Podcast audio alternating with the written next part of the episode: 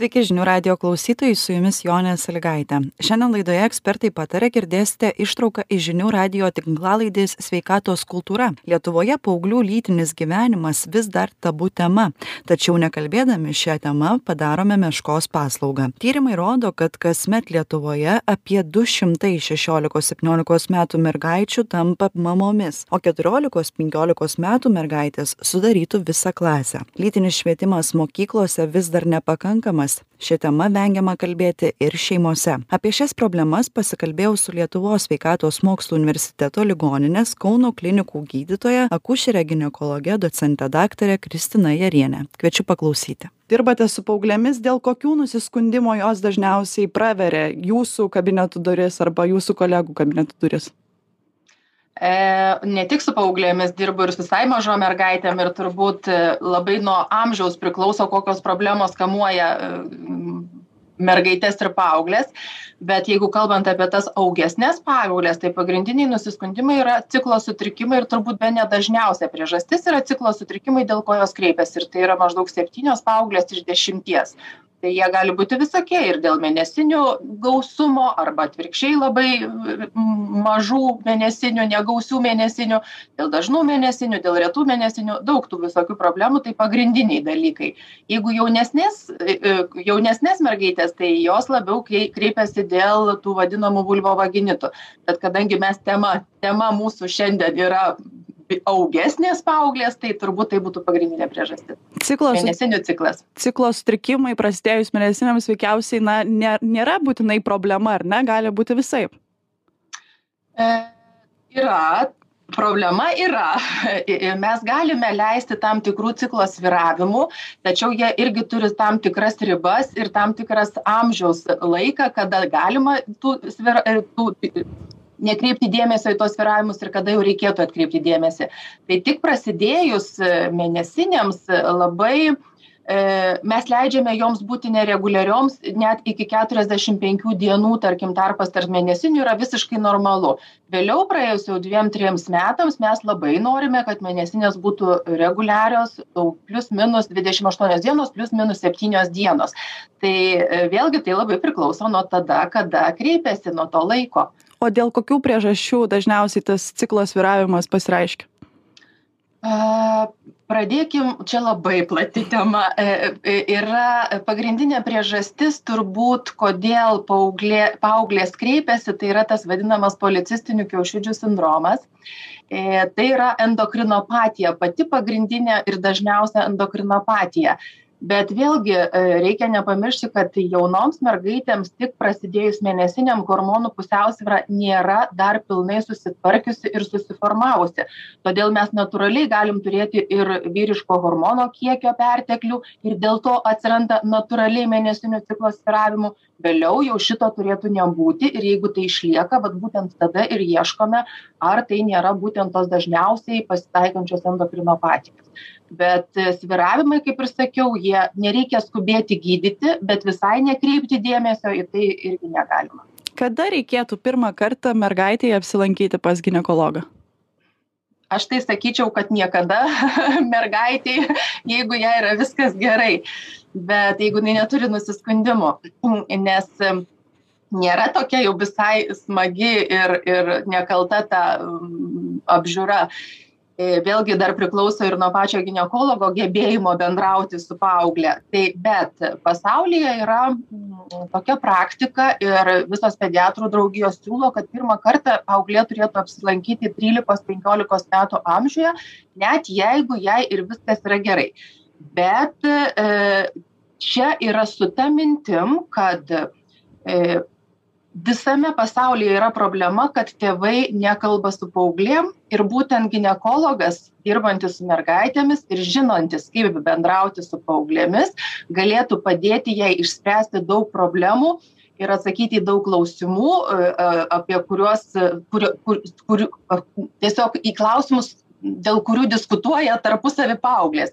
Kalbant ir apie mėnesines kalbant ir apie lytinius santykius kalbant ir apie kontracepciją nes deja e, nei mokykloje nei tėvai tų žinių pakankamai nesuteikia. Kita priežastis kodėl siūloma apsilankyti šitam amžiuje tai yra ta pati pirma pažintis su ginekologu kad parodyti kad tai nėra nei baisu nei skausminga. Nes gali atsitikti gyvenime tokių sudėtingų ūmių situacijų kada e, skubiai reikės vat važiuoti dėl kažkokios ūmios patologijos į ligoninę ir tada ta pirma pažintis gali būti tokia pakankamai nemaloni ir palikti tokiam gyvenime palikti nu nemalonų įspūdį. Tai vat tas planinis vizitas jisai galėtų e, nuteikti optimistiškai kad vis tik ginekologas yra tas žmogus kuris gali padėti o ne išgąsdinti mano kartoje buvo nežinau ar tai mitas ar tiesa bet toks pasakymas kad pas ginekologą reikia eiti po pirmų lytinių santykių. Čia yra tiesos ar visgi reikėtų galbūt tai daž ar e, anksčiau padaryti? Nu vėlgi kada tie pirmi lytiniai santykiai įvyksta e, nei ginekologas patars jau po santykių ar ne nes jie gali būt visokie e, šiaip jeigu jau įvyko santykiai tai yra mergaitėms rekomenduojama e, lytiškai aktyvioms paauglėms rekomenduojama ginekologo konsultacija bent kartą per metus tam kad jos būtų ištirtos dėl e, lytiškai plintančių infekcijų. Ir iki dvidešim penkerių metų kadangi paauglystėje tas lytinis gyvenimas yra pakankamai aktyvus e, rekomenduojama bent jau kas metus šitą patikrą atlikti. e, kalbant apie santykius būtų gerai kad galbūt iki tų santykių jau mergaitė sužinotų viską ką reikėtų kokie pavojai gali grėsti jeigu santykiai yra neatsakingi. O patys pirmi e, lytiniai santykiai ir iš karto po to eiti pas ginekologą na gal racijos ir yra bet vėlgi tai yra kiekviena situacija yra skirtinga atrodytų kad paauglėms kai kurioms paauglėms nežinau ar daugumai yra galbūt gėda kalbėtis su tėvais. Jūs irgi sakėte kad galbūt patiems tėvams yra gėda kalbėtis su paauglėmis tokiomis temomis kaip menstruacijos ar lytiniai santykiai. Ir tuo pačiu ginekologo vizitas. Atrodytų kad nežinau gal paauglės nedrįsta net pasakyti mamai kad štai joms kilo mintis kad galbūt reikėtų apsilankyti. Kaip yra dabar lietuvoje? Ar galima ateiti be mamos ar be be tėčio būtent pas ginekologą užsirašyti. Nuo kelių metų maždaug galima tai daryti ar čia nėra amžiaus cenzo ar trylikametė irgi gali ateit. Na pas mane kad ir koks vaikas kokio amžiaus ateitų ar visai vaikas ar paauglė aš nei vieno neišstumsiu pro duris tikrai. Ir aš manau kad ir didžioji dalis ginekologų to nedarytų nes tai yra bent jau mūsų tikslas e, yra kad kaip tik jos nebijotų kreiptis kad ir kas beatsitiktų gyvenime. Šiaip jeigu teisiškai žiūrint tai e, paaugles mes galim konsultuoti be tėvų sutikimo nuo šešiolikos metų amžiaus. Iki to laiko reikėtų kad būtų arba tėvai arba globėjai kažkas tai arba įgaliotas asmuo turėtų būti su paaugliu. Vėlgi jeigu yra nesutarimų tarp nuo paauglio gerovės ir globėjo arba tėvo įsivaizdavimo tai mes visą laiką kreipiame ir dėmesį labiau į paauglį e, tiesiog siekiame jo interesų ir galima gydytojo konsiliumo tvarka e, paskirti gydymą kuriam e, tarkim tėvai galbūt ir nenorėtų pritarti. Bet nes bet kokiu atveju paauglys yra pirmiausia pirmoje vietoje.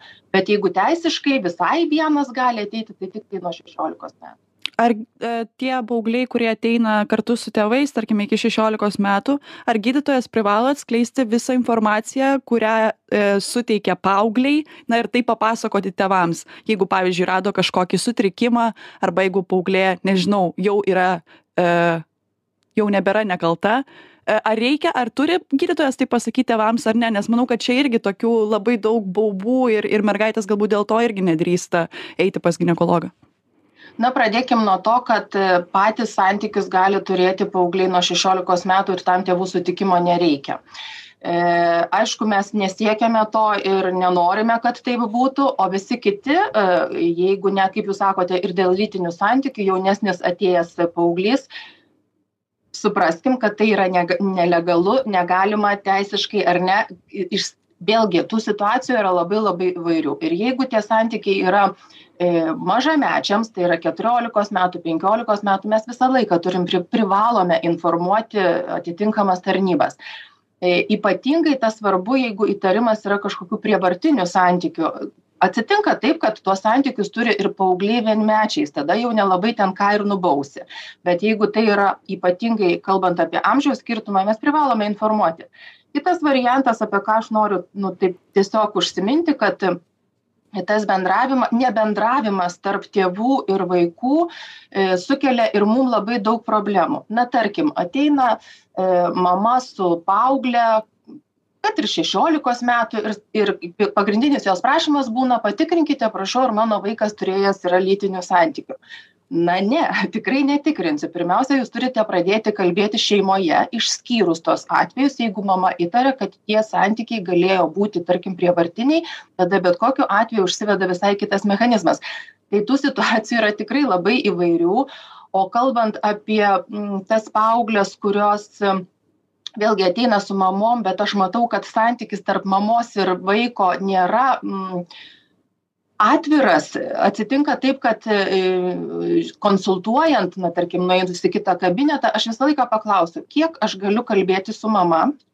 Ir jeigu aš matau kažkokią problemą rimtesnę ar aš galiu mamai pasakyti viską tai nėra visai teisingai ką aš darau nes tėvai turėtų žinoti viską bet mano kitas kitas kelias yra mano neišgąsdinti jų nes jeigu jos e, turės problemų kažkokių ateityje ir žinos kad negali pasitikėti ginekologu tada jos tas problemas bandys spręsti pačios ir turėsim daugiau problemų negu naudos. Tai kiekvieną kartą toksai mm, yra galvos skausmas neslėpsim kiek kie ir labai priklauso nuo to koks yra santykis tarp dukros ir mamos. Man visą laiką labai norėtųsi kalbėti kartu. Visos trys atsisėdam visos trys pasikalbam bet yra tam tikrų situacijų kada aš kalbu pirmiausia su mama paskui kalbu su vaiku paskui kalbame visos trys.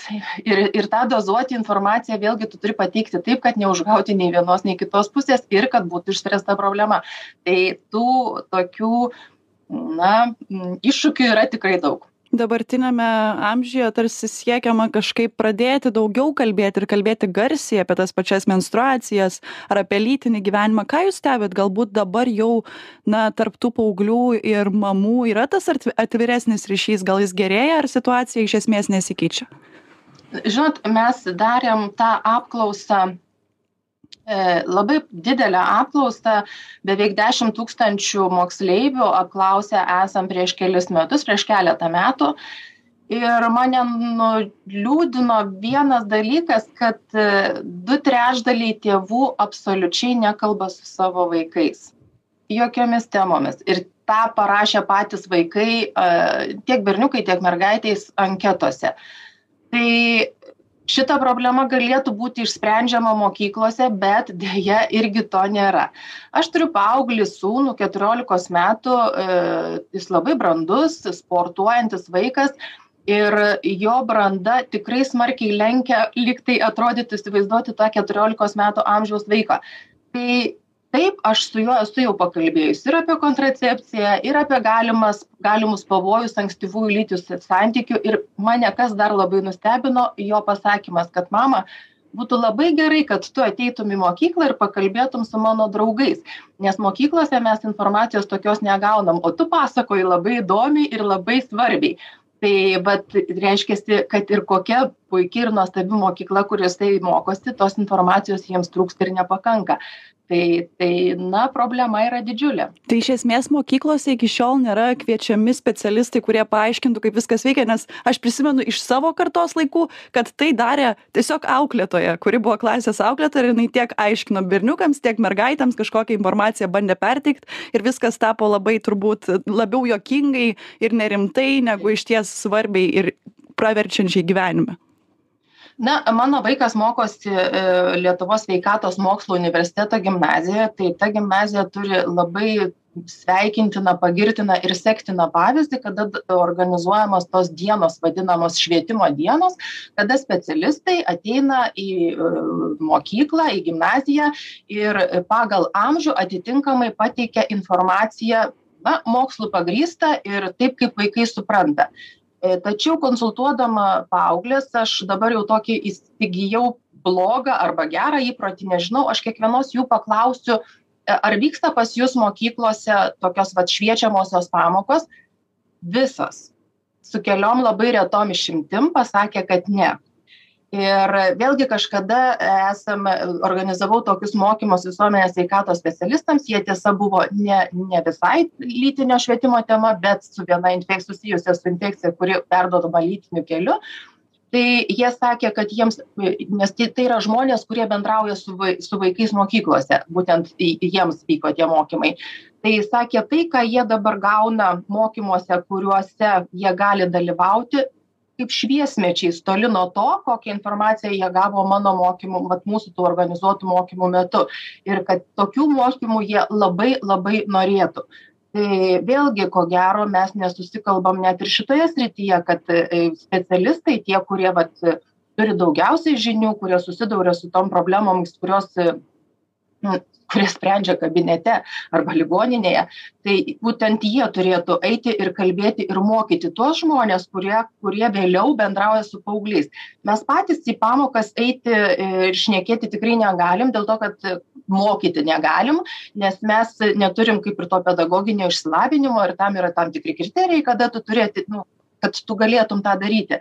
Tai bent jau tokiose e, pakviečiant pakalbėti tai visai mielai mm, būtų vertinga ir naudinga ir ir aišku tai yra daroma viskas laisvo laiko sąskaita bet yra dar viena problema. Tarkim net ir toj pačioj mm, ir mano kolegų tarpe yra tokių tėvų kurie žinodami kad mokykloje vyks švietimo pamokos jie tiesiog tomis dienomis neleidžia savo vaikų į mokyklą. E, nežinau galvodami kad gal mes neteisingai kaip nors pasakysim tą informaciją gal galvoja kad ta informacija e, paskatins kaip nors e, neatsakingai veikti savo jų vaiką veikti gyventi bet tai yra tikrai netiesa nes visi tyrimai rodo kad paaugliai kurie gauna teisingą mokslu įrodytą pagrįstą informaciją jie visi elgiasi atsakingiau ir jų lytiniai santykiai irgi prasideda vėliau tai apie tai ir pakalbėkim. Kada lietuvoje paauglės dažniausiai pradeda tą savo lytinį gyvenimą?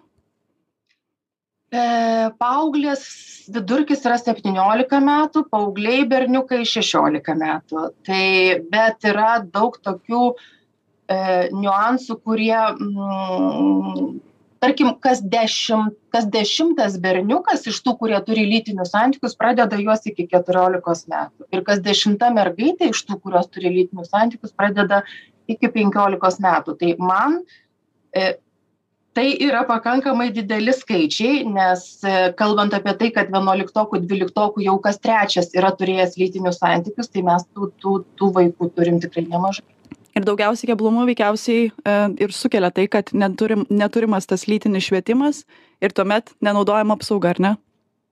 E, apsauga matot yra toks dalykas kaip internetas. Tai tiktai viena blogybė kad tam internete jie ne visu ne visai teisinguose puslapiuose lankosi ir nuo penkiasdešim iki septyniasdešim procentų vaikų žiūri kaip bebūtų keista ir gaila e, porno puslapius ir tas visas jų lytinis švietimas e, na tas įsivaizdavimas turbūt irgi ko gero formuojasi iš iš tenais.